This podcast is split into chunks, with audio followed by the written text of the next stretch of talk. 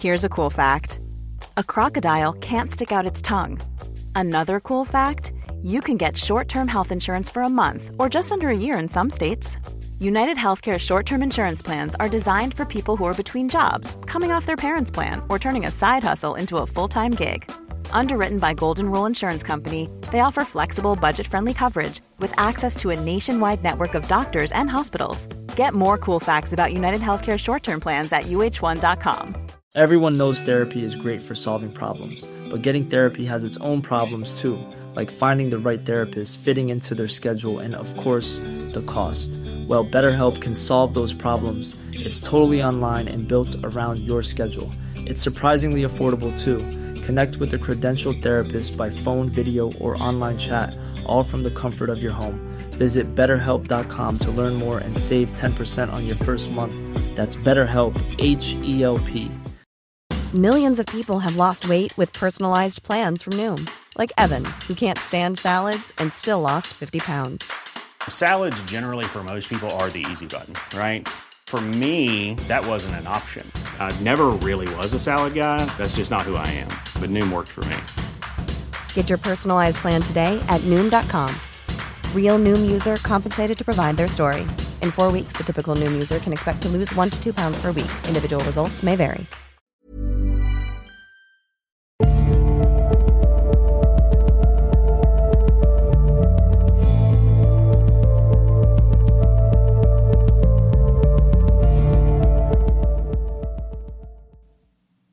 Hei og velkommen til eh, Tåkeprat. Jeg heter Even, og nå har vi kommet til episode 92. Nå er det ca. to år siden sist jeg hadde en gjest i Tåkeprat, og siden den gang så har det skjedd mye med podkasten. Ikke minst så har jeg nå tilgang til et studio med lydteknikker sentralt i Oslo, noe som gjør det enkelt å planlegge og ta opp samtaler på østlandsområdet. I løpet av 2019 så håper jeg å få gjort en del av disse episodene. Ikke for å erstatte de tematiske dypdykkene og fortellingene som dere er blitt vant til, men som et supplement og for å få færrest mulig søndager uten tåkeprat. For det er ikke til å komme unna at arbeidet med de klassiske episodene, enten det dreier seg om serier eller enkeltstående episoder, krever mye forarbeid. Og dersom det skulle dukke opp noe som ikke er podkastrelatert en uke, så blir det et opphold i tåkeprat. Som for eksempel denne helgen, hvor jeg er på reise, og det normalt ville blitt etter 14 dagers opphold før neste episode. Dette er også en ny måte å gjøre podkasten på for meg, og det kommer til å ta noe tid før jeg finner en passende form på disse episodene. Jeg ser ikke for meg at dette blir rene intervju, men heller løse samtaler som dreier seg om et bestemt tema. Det jeg vel forsøker å si her, er at det er en viss læringskurve med denne typen episoder, akkurat som det har vært med de vanlige episodene, om vi skal tro Gurdjieff, så er jo nettopp det å begynne på en ny type arbeid essensielt for personlig og åndelig vekst. I de senere år har stille meditasjon fått en renessanse i vår del av verden, og flere og flere mennesker velger å dra på lengre klosterlignende meditasjonsopphold for å se innover og for å få en dypere forståelse av sitt sanne jeg. En av de formene for meditasjon som har økt i popularitet, er vipassana, en teknikk som læres bort over hele verden med intensive kurs der deltakerne går gjennom et ti dagers opphold hvor det eneste fokuset er meditasjon. Av en eller annen grunn så møter jeg til stadighet mennesker som har erfaring nettopp med vipassana, og samtlige har fortalt at dette har vært en svært viktig opplevelse i livene deres. I fjor ble jeg kontaktet av en lytter i forbindelse med et kunstprosjekt hun holdt på med. Det skulle etter hvert vise seg at hun var lærer nettopp i denne typen meditasjon. Og siden dette sammenfalt med mine planer om å plukke opp tråden med gjesteepisoder igjen, så spurte jeg om hun var interessert i å bli med for å snakke litt om denne meditasjonsformen. Slik at jeg, og dere som hører på, kan bli litt bedre kjent med dette fenomenet. Så på en eh, særdeles kald vinterdag den 29. januar 2019 så møttes vi i Oslo for å diskutere Vipassana.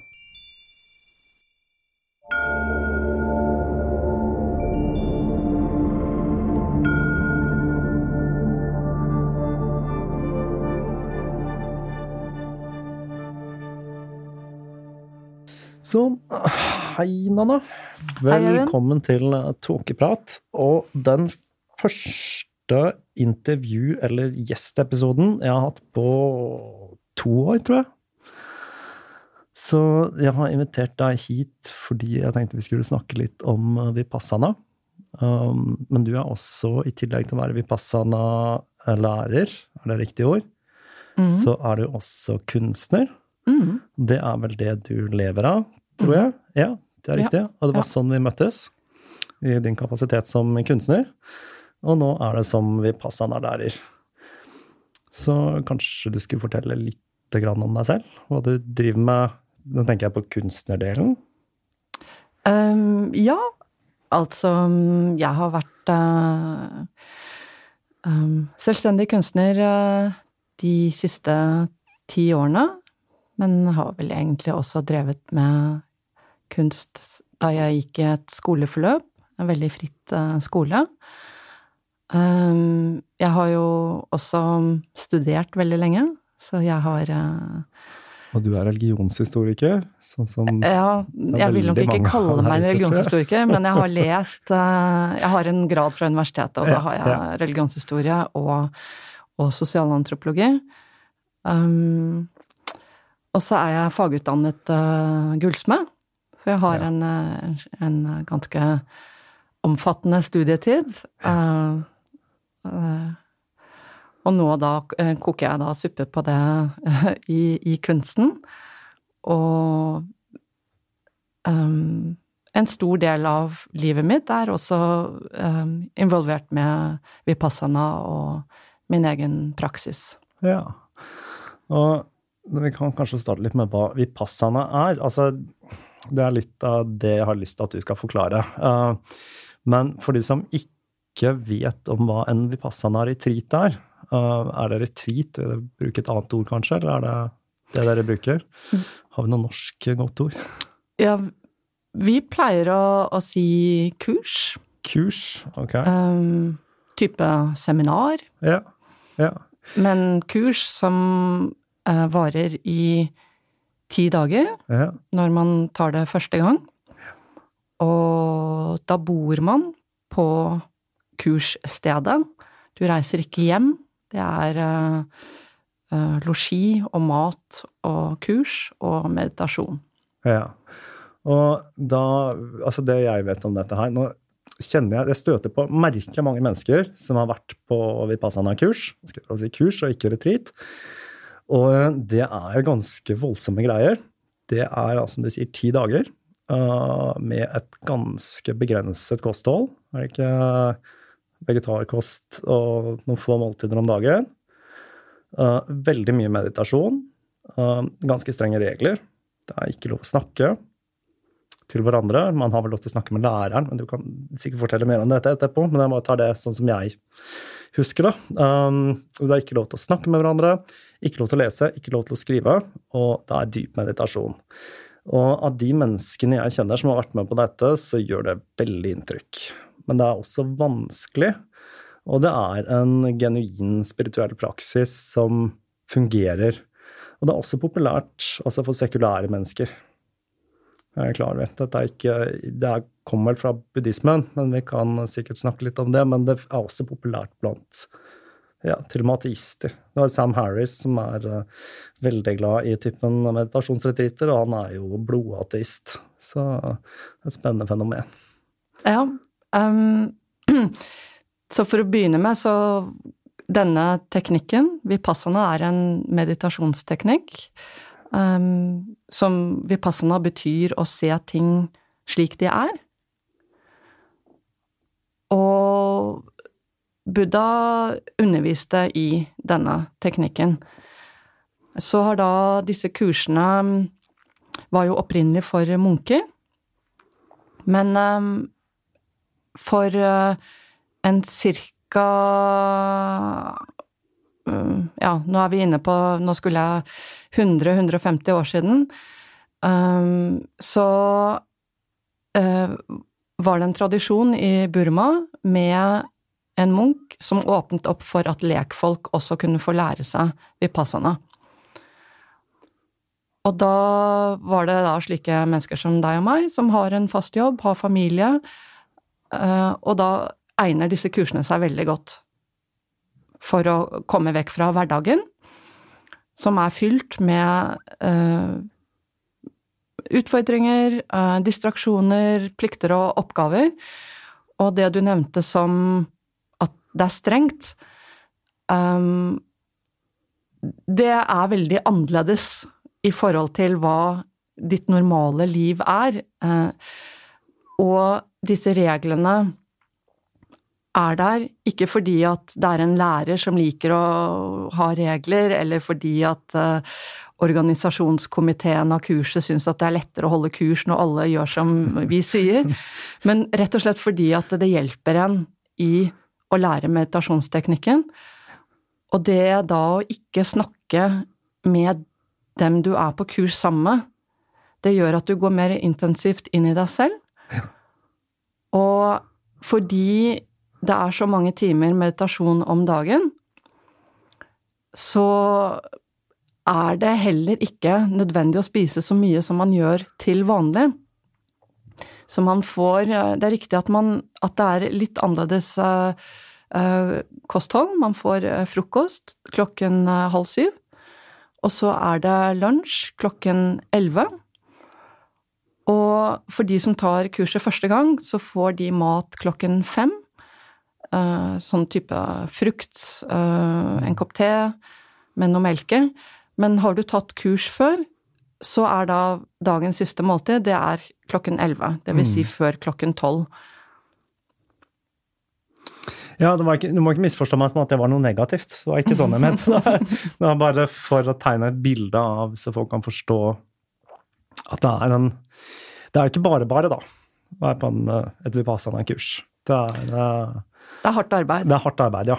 Og jeg tror at mange som mange som tenker om meditasjon, tenker har, har noen forestillinger mm. om at uh, det skal være behagelig, og det er et rom med noe stille musikk, og kanskje er det noen som gir en massasje, og man får noe deilig mat. Vipassana-kurs er i grunnen noe man gjør alene, men sammen med andre. Mm.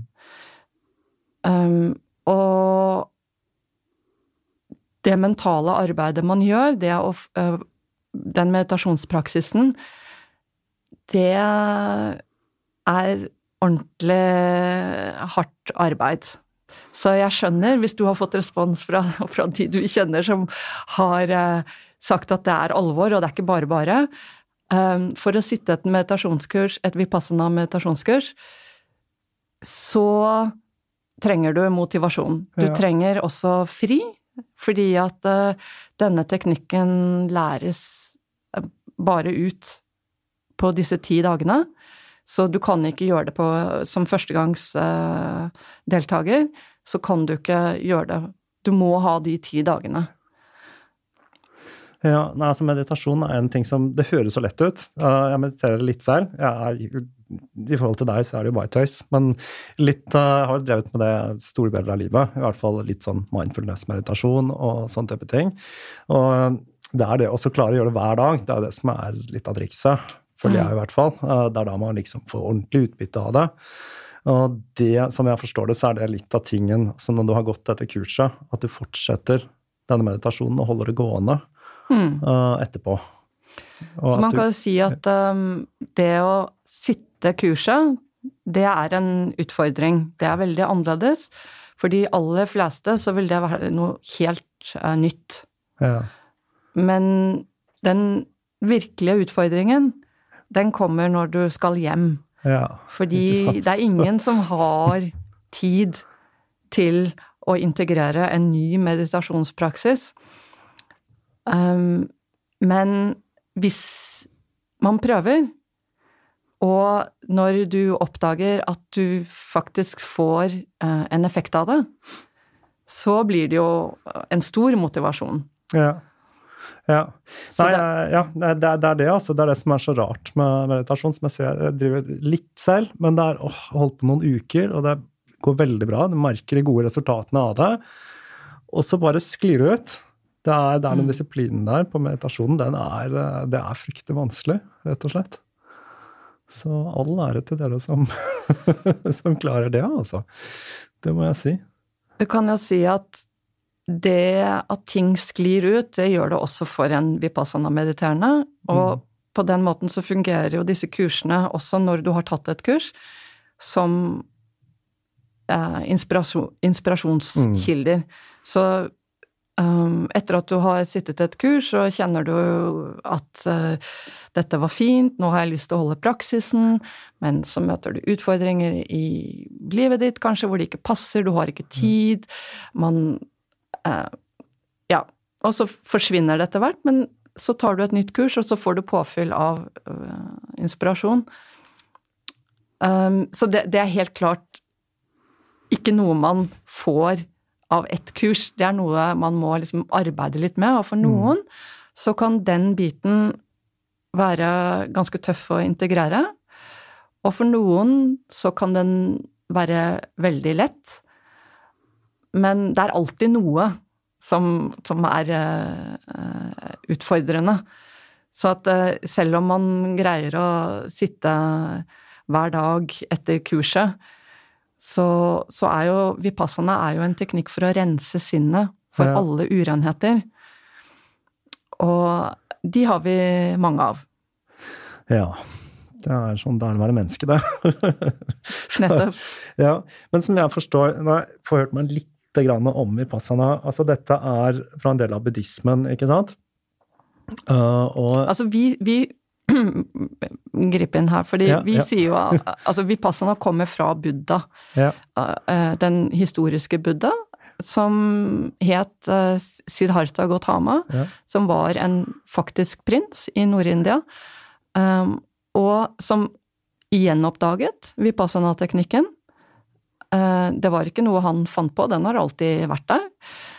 Men han underviste også i den, og det er, det er fra hans linje uh, vi praktiserer vipassana i, i dag.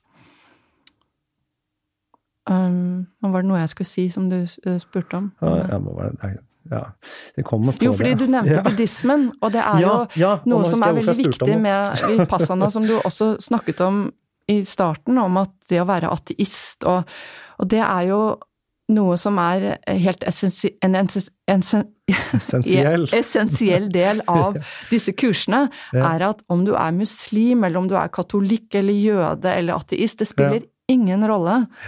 Fordi at teknikken er der for alle. Ja, ikke sant. Nei, jeg tenkte litt for det. Det, er, eh, det har vært en sånn slags eh, innfluks av eh, buddhistisk meditasjon til Vesten i de senere år. Eller senere år senere år, da. Det startet vel på 60-tallet, tenker jeg. Sånn som så mye gjorde. Jack Cornfield han kjenner jeg litt til. Mm. Har lest 'Bringing the Dharma Home'. Uh, så hørte jeg litt, men jeg skjønte at de kom fra en litt annen del av, uh, av buddhistisk tradisjon. Fra Thailand. Mm -hmm. Hørte jeg. Jeg vet ikke om mhm. du, at uh, denne vipassana-delen kommer fra en litt annen del igjen. Jeg vet ikke om du har noe altså store formeninger om det? Eller det jeg har uh, blitt fortalt, det er at uh, Buddha, han startet da å undervise, og han fikk mange elever. Og mange av disse elevene ble også opplyste, som han, altså de nådde nirvana, ja. og han sendte dem ut i verden og sa uh, spre denne teknikken uh, til det beste for menneskeheten. Og noen av uh, disse disiplene, de reiste til Burma, og det er der mm vipassana, slik disse kursene blir drevet, det er fra den linjen um, Den teknikken jeg praktiserer. Ja, riktig. Det var det akkurat det. Ja. Um, men når det er sagt, så er det jo flere forskjellige um, vipassana Uh, kurs og lærere i verden. Så den læreren som vi um, refererer til, uh, er SN Guenca. Ja, Guenka. Og hans lærer var Sayaji Obakin, som ja de, de, ble født og vokste opp i, i Burma. Ja. Og det er litt viktig å, å,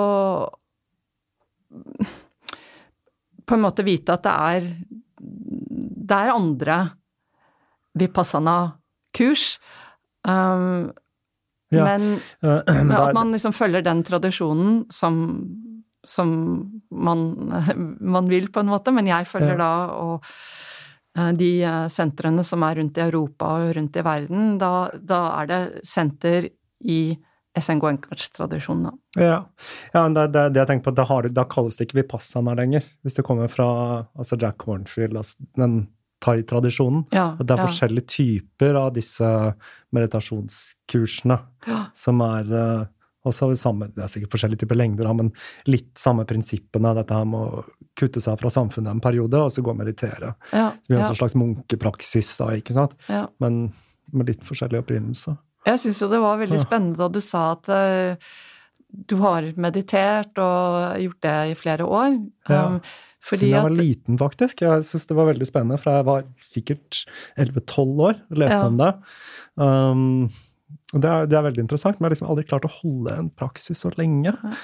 Fordi at det å meditere er veldig lite mystisk, eh, Ja, ja, ja. Og, og det er en helt naturlig ting, og jeg tror at veldig mange vil kunne gjenkjenne meditasjon når de kommer på et meditasjonskurs, og at de kanskje har gjort det helt uten å, Mm. å vite det. Men på et vipassana-kurs så kan du jo si at den rutinen og timeplanen som man legger opp til, hjelper deg til å, å, å fordype deg Ja. på en, på en, eh, på en uh, ny og dypere måte, da. Og at denne, denne fordypelsen vil også hjelpe deg videre i din praksis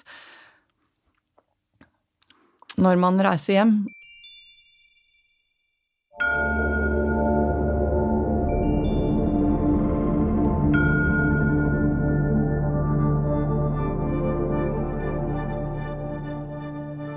Jeg, jeg kom til å tenke på disse kursene som, Ja. som vi arrangerer, da, at det kanskje er noe av det jeg syns Og jeg vet at det er slik det fungerer, for nå har jeg jo holdt på med dette i over 20 år. Oi. Og vært med å organisere mange kurs, og selv Ja. vært på mange kurs. Men en stor del av det som utgjør da denne praksisen, dette, denne kursorganiseringen, det er jo frivillig hjelp. ja. Slik at det vi eh, Disse kursene blir ene og alene organisert på donasjon, og en del av donasjonen, det er sikkert som det mange tenker, det er en finansiell donasjon, men en annen meget viktig del av donasjonen, det er frivillig hjelp, så det er et frivillig team som lager mat, som hjelper. Eh, lærerne på kurset får ingen betaling, og det er heller ingen kursavgift. Så når du sitter ditt første Vipassana-kurs, så er det Har du fått dette kurset av noen som har sittet kurs før deg, og som har ønsket å dele det de har fått, med noen andre? Og bare etter at du har sittet et kurs, hvis du selv føler at du har fått utbytte av det her, og du selv kjenner at dette er noe som du ønsker at en annen skal få mulighet til, så kan du gi en donasjon. Og da kan du uh, gi en finansiell donasjon, helt opp til deg selv, hva du ønsker å gi, og hva du har mulighet for å gi. Og den andre biten er eksempel at du sier på det neste kurset, så vil ikke jeg selv sitte i ti dager, men jeg vil eh, jobbe på kjøkkenet eller være der hvor det er bruk for meg Ja. i ti ja, dager. Det er også en veldig fin ting. Det er kanskje litt viktig å presisere at hvis du, hvis du er med på det, og du bestemmer deg for at du ikke klarer å gjennomføre, så betaler du ingenting. Da kan du dra hjem igjen. Ja, når du sier dra hjem, da, så må jeg si at der, der er man uh, For å si det sånn Når du melder deg på et Vipassana-kurs, Ja. så skriver du under på at du kommer til å delta på alle ti dagene. Okay. Fordi at den motivasjonen Det er tøffe saker Ja, for de ja. fleste. Ja. Så hvis du ikke har den motivasjonen for ti dager, så er det bedre å vente. Ja. Men det er klart at hvis noe skjer under kurset, uh, man blir syk, man må hjem, ting skjer hjemme, Mm. så, så er det klart at da er man jo der på frivillig basis. ja. Ja. Ja, det var det jeg tenkte på i forhold til det, altså det, var det finansielle men, og Ja. donasjoner og sånn. Men det er en ting, fordi igjen, dere, dere har jo en slags kontroll av de som er med. altså De, de må være sikre på at de er klare for dette her. Uh, men det har jeg hørt, og jeg, jeg tror uh, Det var Jack Hornfield jeg refererte til, han som ikke er Vipassana, da. Uh, at på disse retreatene hans så hender det jo at folk har psykiske problemer som kommer fram, uh, og som, hvor de kan få utfordringer. uh, hvor de enten kan hjelpes gjennom dette, her, eller at de trengs å tas ut av kurset. Jeg vet ikke om du har noe erfaring med det? For Jo, du det er- får jo en veldig møte med deg selv, da, vil jeg tro, i løpet av disse ti dagene.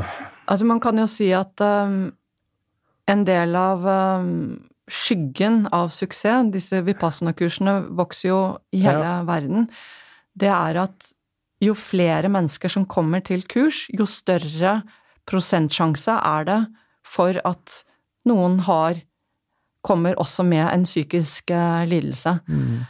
Um, så i forkant av disse kursene så går man gjennom en registreringsprosess hvor man blir bedt om å skrive opp en detaljert medisinsk historie.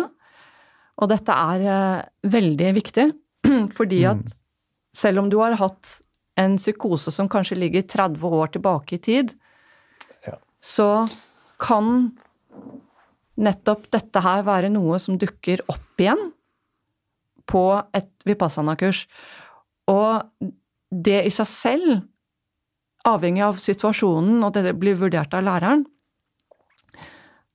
um, så vil jo teamet som er der for å hjelpe deg, kunne finne ut av om eh, hva, hvilken hjelp du trenger, um, og også om Vipassana-kurs er det rette for, for deg.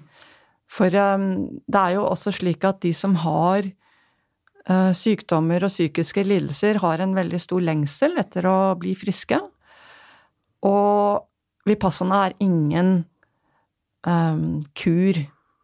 Det er en uh, dyp eh, teknikk for å rense sinnet, og det er ikke for alle. Man Nei. må ha et, en, en, en basis av balanse for å kunne gjennomføre disse ti dagene. Og det er noe som organisasjonen tar meget alvorlig. Slik at eh, disse spørsmålene som man da fyller ut, hvis det er noe som dukker opp, som man tenker at her ligger det kanskje noe uh, som kan Som man gjerne vil vite litt mer om, så får man da tilsendt uh, medisinsk Altså brev hvor man ber om å utfylle um, ja, medisinsk eh, historie. Uh, og, og nå som vi har fått innført da dette eh, Hva er det det jeg tror det heter på engelsk? eh, data privacy rules, som ble innført i fjor. Ja, GDRP Ja, GDRP. Ja. Så slik at dette må jo Vipassana også forholde seg til. Dette er jo eh, personlige data data som blir uh, bearbeidet 100 konfidensielt, og ifølge, til, ifølge disse nye EU-reglene. Slik at alle som søker et Vipassana-kurs, kan føle seg helt 100% trygge på at den informasjonen de gir, ikke blir sendt videre. Men samtidig er det veldig viktig å legge vekt på at denne informasjonen er helt essensiell for læreren for å vite Everyone knows therapy is great for solving problems, but getting therapy has its own problems too, like finding the right therapist, fitting into their schedule, and of course, the cost. Well, BetterHelp can solve those problems. It's totally online and built around your schedule. It's surprisingly affordable too. Connect with a credentialed therapist by phone, video, or online chat, all from the comfort of your home. Visit betterhelp.com to learn more and save 10% on your first month. That's BetterHelp, H E L P. Hiring for your small business? If you're not looking for professionals on LinkedIn, you're looking in the wrong place. That's like looking for your car keys in a fish tank. LinkedIn helps you hire professionals you can't find anywhere else, even those who aren't actively searching for a new job but might be open to the perfect role. In a given month, over 70% of LinkedIn users don't even visit other leading job sites. So start looking in the right place. With LinkedIn, you can hire professionals like a professional. Post your free job on linkedin.com/people slash people today. Um, for å være trygg på at de man tar inn til kurset, Ja. også kan gjennomføre det, og at nettopp nettopp fordi, som du sa, at de ikke ender opp med å få At ting kommer opp på kurs som gjør at eh, de får veldig store, uhåndterlige uh, problemer. Ja. Ja. Nei, fordi det var to ting jeg bare må skrive Mm. ned. Åh, notatblokk. Jeg elsker å ha notatblokk. fordi det jeg tenker Altså litt av disse nye, store som, tingene som er kommet til, eh, til Vesten, da. Enten det være seg Vipassana, eller så tenker jeg også selvfølgelig på ayahuasca, jeg, da. For det er jo eksplodert, ikke sant. Og der har du veldig mange useriøse aktører. Mm. Uh, og der er det vel ikke noen form for, uh, i hvert fall på de fleste, noen form for uh, psykologisk sjekk på, på forhånd. Mm. Og veldig mye omreisende sjaman som har sett sitt, uh, sitt snitt da, til å tjene litt penger, ikke sant. Mm. Men dere har da en organisasjon som er Vipassana, Ja. ja, og som tar noe ansvar for dette her. Du tenker er- på i forhold til I eh, forhold til uh, psykologisk evaluering av personer som Ja, ja, ja. Vi har et eget Ja. registreringsgruppe som er meget betrodde elever, men det er ikke de som tar seg av den uh, medisinske historien. Den blir kun sendt til lærerne, til uh, de som har erfaring med uh, kurs og elever. Og dette er jo også Man ser jo hvordan dette her utvikles, altså i forhold til Vipassana for ti år siden og i dag. Så må jo disse disse mm, hva skal jeg si, forholdsreglene må jo hele tiden justeres, da. Ja. ja. For det er ikke tvil om at dagens samfunn har At det er, det er utfordringer som folk sliter med i hverdagen. Og dette tar de med seg på kurs. Og hvis du har én som det skjer noe alvorlig, ja. så har man jo også ansvaret for alle de andre. Og dette er her ufaglærte folk, det er ikke leger og psykiatere. Nei. Det kan være det. Veldig mange som driver med vipassana er leger og psykiatere. Men uh, man må liksom gå ut ifra at når man er på et vipassana-kurs, så er det frivillige folk som Mm. bruker ferien sin på å hjelpe eh, deg til å ha det eh, så bra som mulig eh, på kurset, og at det er helt avgjørende at den informasjonen vi mottar, er basert på tillit. Ja. Ja.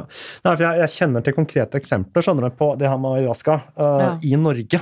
hvor det er, for det, er, det finnes ayahuasca-sirkler her òg.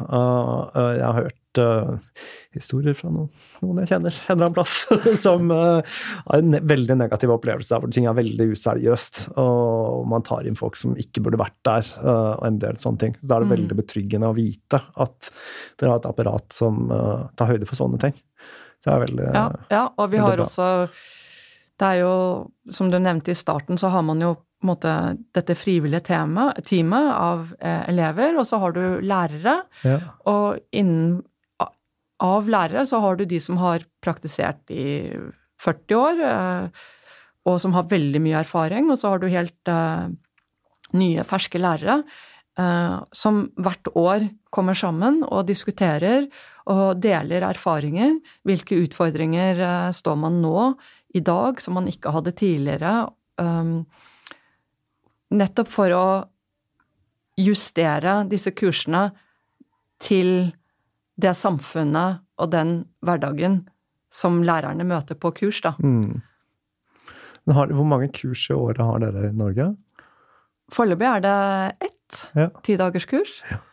Og har man tatt et kurs tidligere, så kan man komme til gruppesittinger og endagskurs. Men dette er kun da forbeholdt de som har sittet et kurs.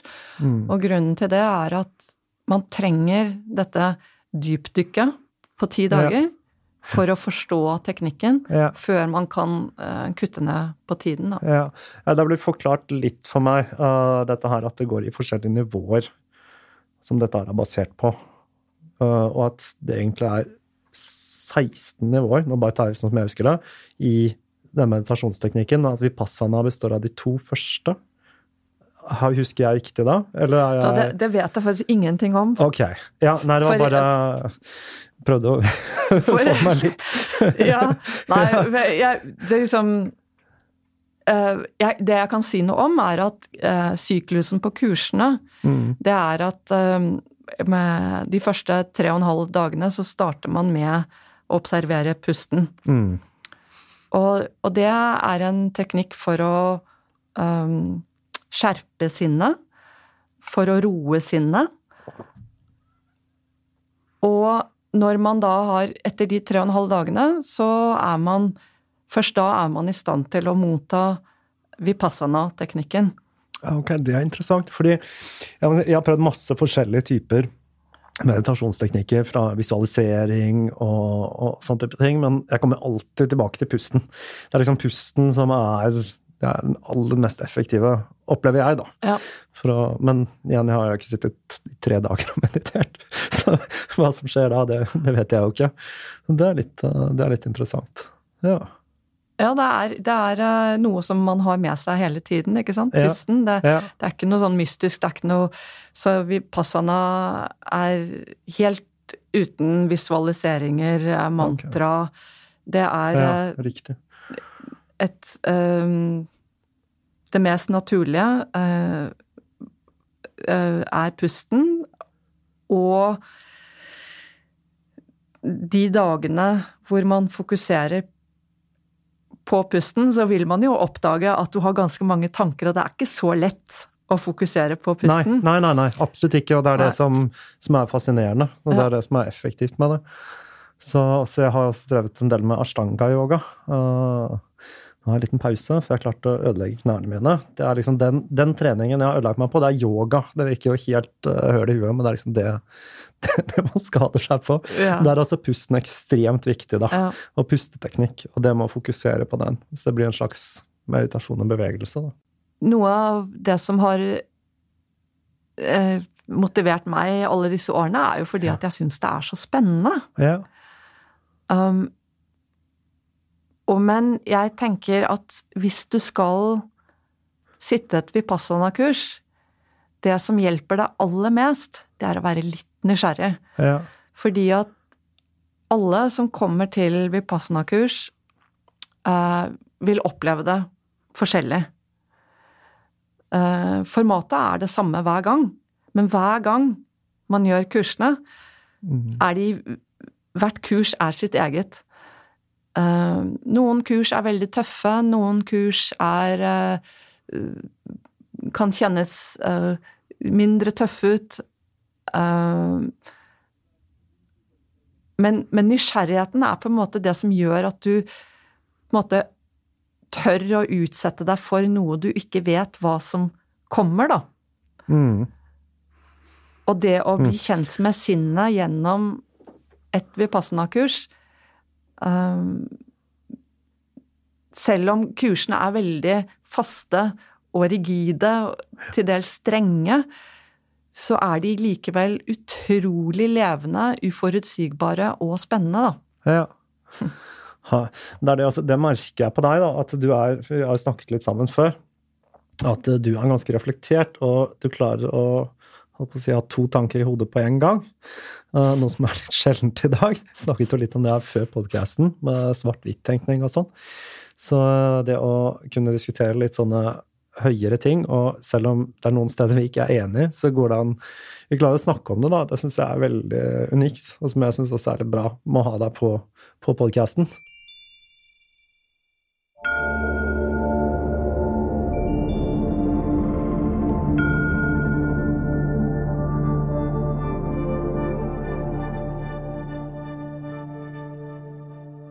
Kursene ligger på nettet. Ja. Man melder seg på. Og når man melder seg på, så må man da eh, gi eh, detaljert informasjon.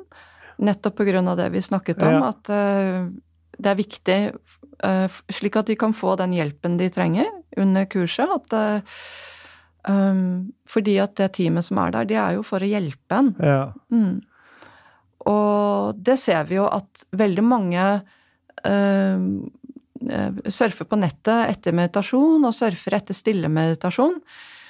Og, og da dukker vi passene opp. Og det er jo også en annen bit som, som i vårt veldig bråkete samfunn, på en måte, Ja. med mobiltelefoner og penger og internett og slike ting, så har jo Vipassana-kursene har jo alltid vært slik. Men nå er det nesten enda viktigere. Fordi at Mm. når, du, når du da kommer til å har blitt akseptert på et kurs, så eh, kan du ikke bruke mobiltelefonen din. Du kan ikke skrive, du skal ikke ha noe kontakt med omverdenen. Du behøver ikke å forholde deg til noen mailer. Så det ligger jo en utrolig frihet og avslapning bare i, i det, da. Ja, og det jeg tror gjør På en måte kan det gjøre ting enda tøffere for folk, da. Enn hvis vi snakker tilbake til eh, på Buddhas tid, hvor man hadde litt mindre sanseinntrykk å, å ta inn hver dag. Så overgangen fra det massive som du sier, mobiltelefon, sosiale medier Det påvirker oss jo noe voldsomt om det plutselig blir tatt bort. Så tror jeg kanskje noen kan oppleve en slags angst eller noe bare ved det. Hvis du er så avhengig av å ha disse inntrykkene hele tiden. Jeg vet ikke om det er noe Altså, Kanskje jeg- ikke du kjenner deg igjen men du har kanskje opplevd noen som syntes det har vært forholdsvis tøft? de som Når du først er kommet deg igjen Når du først har gått til registreringsprosessen Ja. og lest gjennom uh, hvordan kursene fungerer, for dette ligger jo alt ligger på nett. Det er ingen hemmelige ting som blir informert om um, på kurset. Men det er klart, den praktiske delen, den, den, den må du gjennomføre. Da opplever jeg at de syns det er deilig. Fordi at Ja. det, det følger med også veldig mye stress med mobiltelefon og mailer, men, men for å være borte i ti dager i dag, så er du jo da også nødt til å forberede deg. Du er nødt til å legge inn mailsvar. eh, Du er nødt til å ta de telefonene som du trenger, Ja. slik at du vet at i de ti dagene så vet de kjernepersonene som, som du omgjør deg med, de vet at du under ingen omstendighet kan forstyrres. Det vil si kun i nødstilfall. Eh, Og det er jo også for å, for å beskytte eh, deltakerne på kurs, fordi det å bli avbrutt i et kurs eh, kan være er, er uheldig. Det er klart man gjør det hvis det er noen som dør hjemme, så må man reise hjem. Det er ting som gjør at man må avbryte et kurs. Men du ønsker ikke at noen skal spørre deg om noe viktig relatert til jobben når du selv er i en eh, Det er vel en prosess, Ja. ja. som du ser, som du må gjennom. Det er vel, det er vel en grunn til at det er ti dager. Som, eh, Det er en grunn, At- det er, en- ja. det er en intensjon med at det er ti dager. Ja? Eh, på Buddhas tid så tror jeg det var minimum tre måneder. Altså så har man Mm.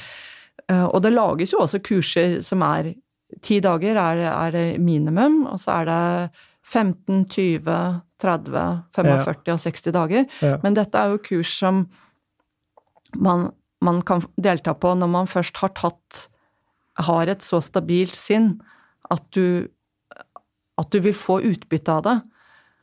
Og det er jo også noe med det med å sitte de ti dagene, er at du får et utbytte av det. Og kortere tid så vil du ikke få det eh, utbyttet av det. Da. Nei. Nei, det er interessant, altså det her med sosiale medier og bombardering av informasjon. Det er, det er noe jeg tar og føler så innmari på selv. Så jeg har sånn jeg Min private Facebook har lagt til side. Det blir, Jeg merker det påvirker meg da, hele Ja. tiden, for du får inn så mye informasjon som egentlig ikke har noe med deg å gjøre. Men det fester seg i hodet likevel.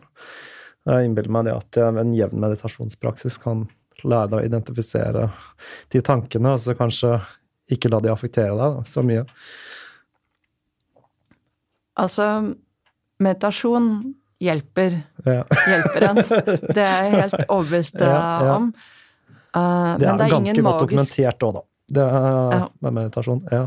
Men det er ingen magisk kur. Nei. Så det er klart at de som mediterer vipassana, de har også mange utfordringer, og um, de har eh, humørsvingninger og Men man får gjennom denne teknikken en mulighet til nettopp å reflektere over over sine egne reaksjoner og få et bedre liv, da.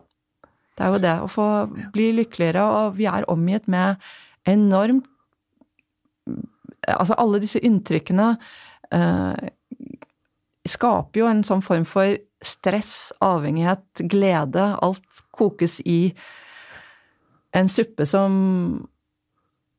selv om det er hyggelig å vite hva folk gjør på hytta, selv om det er Ja, hyggelig det. med andre som får stipender og jeg vet ikke hva, så, så er det liksom Det å ha det helt stille rundt seg, slik det er på disse vipassana-kursene,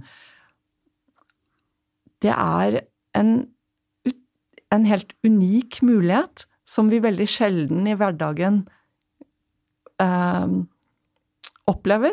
Ja. Nettopp av den tiden vi, vi lever i, da.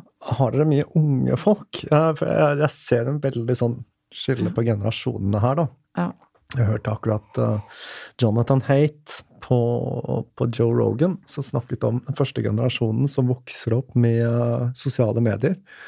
Og hvordan raten av selvskading og selvmord, spesielt blant unge jenter, er bare skutt i været. Og du ser Mm. liksom det henger sammen med akkurat de som vokser opp med sosiale medier, da, fra veldig ung alder og får disse voldsomme inntrykkene. Så jeg, jeg vet ikke Er det noen sånne aldersgrupper som gjør seg gjeldende på Vipassana-kurs, eller er det litt sånn Generelt forskjellig? eh, så er det veldig variert. Ja. Um, men vi, det er 18-årsgrense på Ja, kursene. Um, det er også barnekurs og ungdomskurs, som er eh, helt annerledes enn um, enn eh, disse tidagerskursene. Uh, og grunnen til at uh, det er en 18-årsgrense, det er rett og slett fordi at det å se innover og den renselses, renselsesprosessen Man skal ha Man skal ha et, et, et visst stabilt Et visst Et voksent sinn, da. Og at det kan bli eh, mye for eh, et ungt menneske å, å gå inn i. Så du har eh, eh, Jeg vil nok kanskje si at det er færre 18-åringer, eh, flere som i 20-årene, som orienterer seg mot vipassana.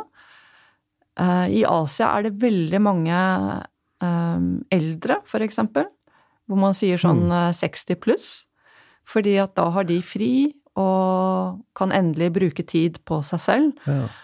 Uh, I Vesten, Europa, så er det mindre eldre. ja. eh, sånn type 60 pluss, eh, Ja, det er forståelig litt sånn med kulturell og religiøs bakgrunn, da, Ja. i vår del av verden. Ja. Har det ikke helt, men det kommer vel etter hvert. For jeg, jeg må jo kanskje si det, da, at det, det er jo ikke noe vi legger skjul på heller, men det er altså det å ha en så stor organisasjon basert på do, finansiell donasjon, Mm. gjør jo at vi eh, Disse kursene koster jo mange penger, men mye penger har vi ikke. Slik at eh, det er enkel standard, og for noen så kan det være en, eh, en bøyg. Slik at på kursene, kurset vi skal ha i Norge nå på Hornsjø ved Lillehammer i juni, der eh, eh, vil vi ha tre og fire tremannsrom minimum. Mm. Eh, og for enkelte så kan vi tilby eh, enkeltrom, men sånn for nye elever som kommer, så vil de nok eh, dele rom med andre. Hvis det ikke er noe helt spesielt. eh, og det kan også være at man da kanskje skal uh, ta et kurs på et senter, eksempel, som har litt bedre fasiliteter hvis det er meget spesielle behov, da. Ja. Kult. Jeg har én ting jeg hadde lyst til å spørre deg om, som jeg har fått fra mine kontakter om deg. og det er denne gullsmedutdanningen din, for jeg har hørt at den var veldig spesiell. Har du lyst til å si noen ord om det? Nå til å avslutte? Ja, til å avslutte så tenkte jeg det. Fordi ja, jeg har som sagt mine informanter. Så jeg, jeg, vet jo ikke nå hva de informantene ja, tenkte på. Det har litt med landet det holdt på i. Ja. Ja, nei, altså Ja. jeg, jeg har jo gått mange forskjellige veier, og Ja. man kan jo kanskje si at uh, det var gullsmedkunsten som brakte meg inn i meditasjon. ja. Um, for uh, man må ha veldig god konsentrasjon når man er gullsmed. Du må tåle å usette deg. Men noe av det første jeg gjorde Bare jeg var skyte inn én ting, ja. Nana. Det er det at en, en yrkesgruppe til, som i tillegg til religionshistorikerne, Ja. så er det veldig mange gullsmeder som hører på Tokkeprat av en eller annen merkelig grunn. Oh, ja! Det er noen sånne merkelige ting som går igjen.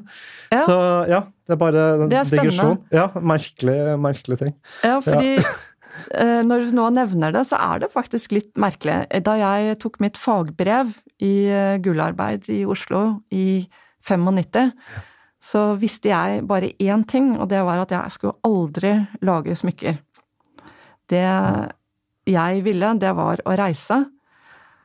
Eh, og så skulle det da bli min kombinasjon av en akademisk og en fagutdannelse som brakte meg til Tibet.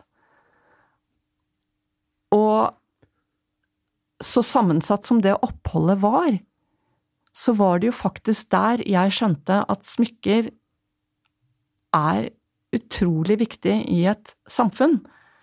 Selv om det har med veldig mye med penger og med dekor og Så har det med identitet og kultur å gjøre. Så det, det ble på en måte et, um, et vendepunkt um, at, jeg, at jeg kunne se et helt samfunn ut ifra en så sær interesse som smykker, da. Mm.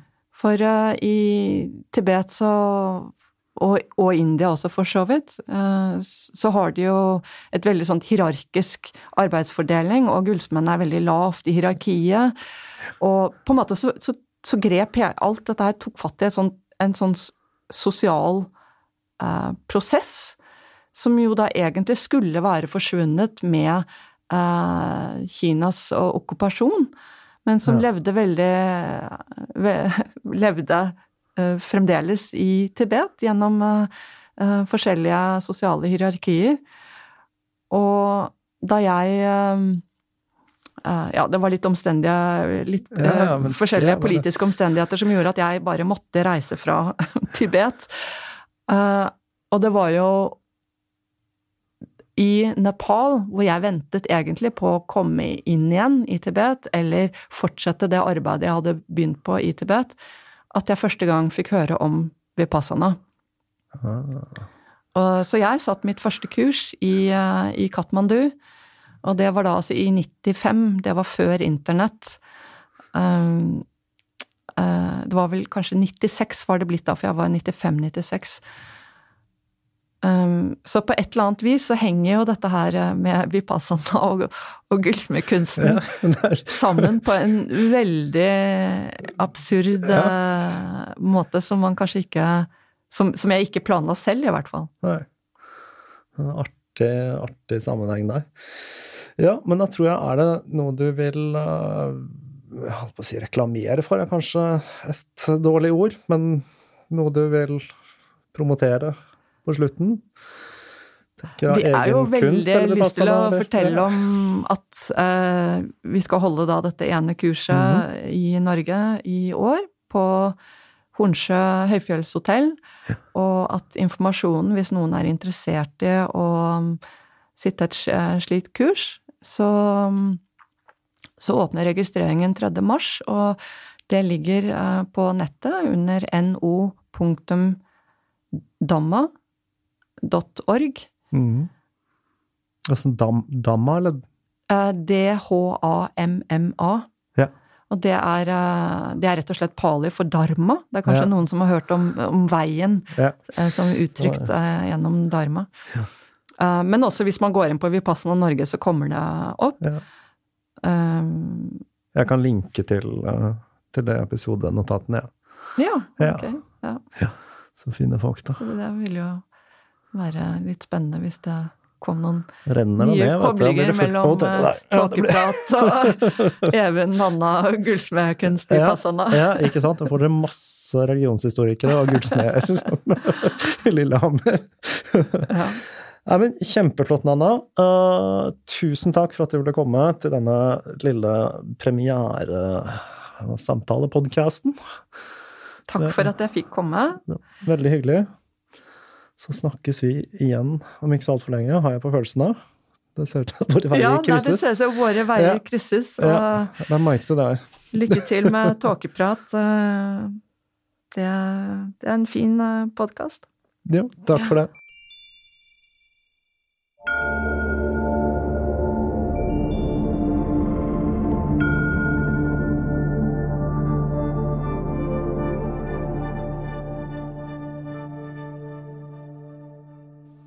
Og det var hva som må kunne kalles en slags premiereepisode fra studio i Oslo. Denne formen for meditasjon er altså ingen enkel vei til selvinnsikt, den krever hardt arbeid. Men om jeg skal tro alle de jeg har snakket med som har erfaringer fra denne, så er den svært effektiv. Om noen der ute skulle være interessert i å delta på denne typen kurs, så er det bare å referere til lenkene i episodenotatene. Neste uke er Tåkeprat tilbake slik dere kjenner den, og denne gangen så blir temaet atter en person som har hatt en stor innflytelse på vestlig esoterisk tradisjon, samt mange av de personene og gruppene jeg har tatt for meg tidligere i podkasten. Denne personen var også svært opptatt av pusteteknikk, og det han nok er aller mest kjent for blant folk flest, er de fantastiske visjonene han beskrev i den minste detalj. Og til sist, men ikke minst, han var skandinav. Og da tipper jeg mange av dere vet hvem jeg skal ta for meg i neste episode av Tåkeprat. Så mens dere tygger på den, er jeg forhåpentligvis på vei tilbake til gamlelandet. På gjenhør.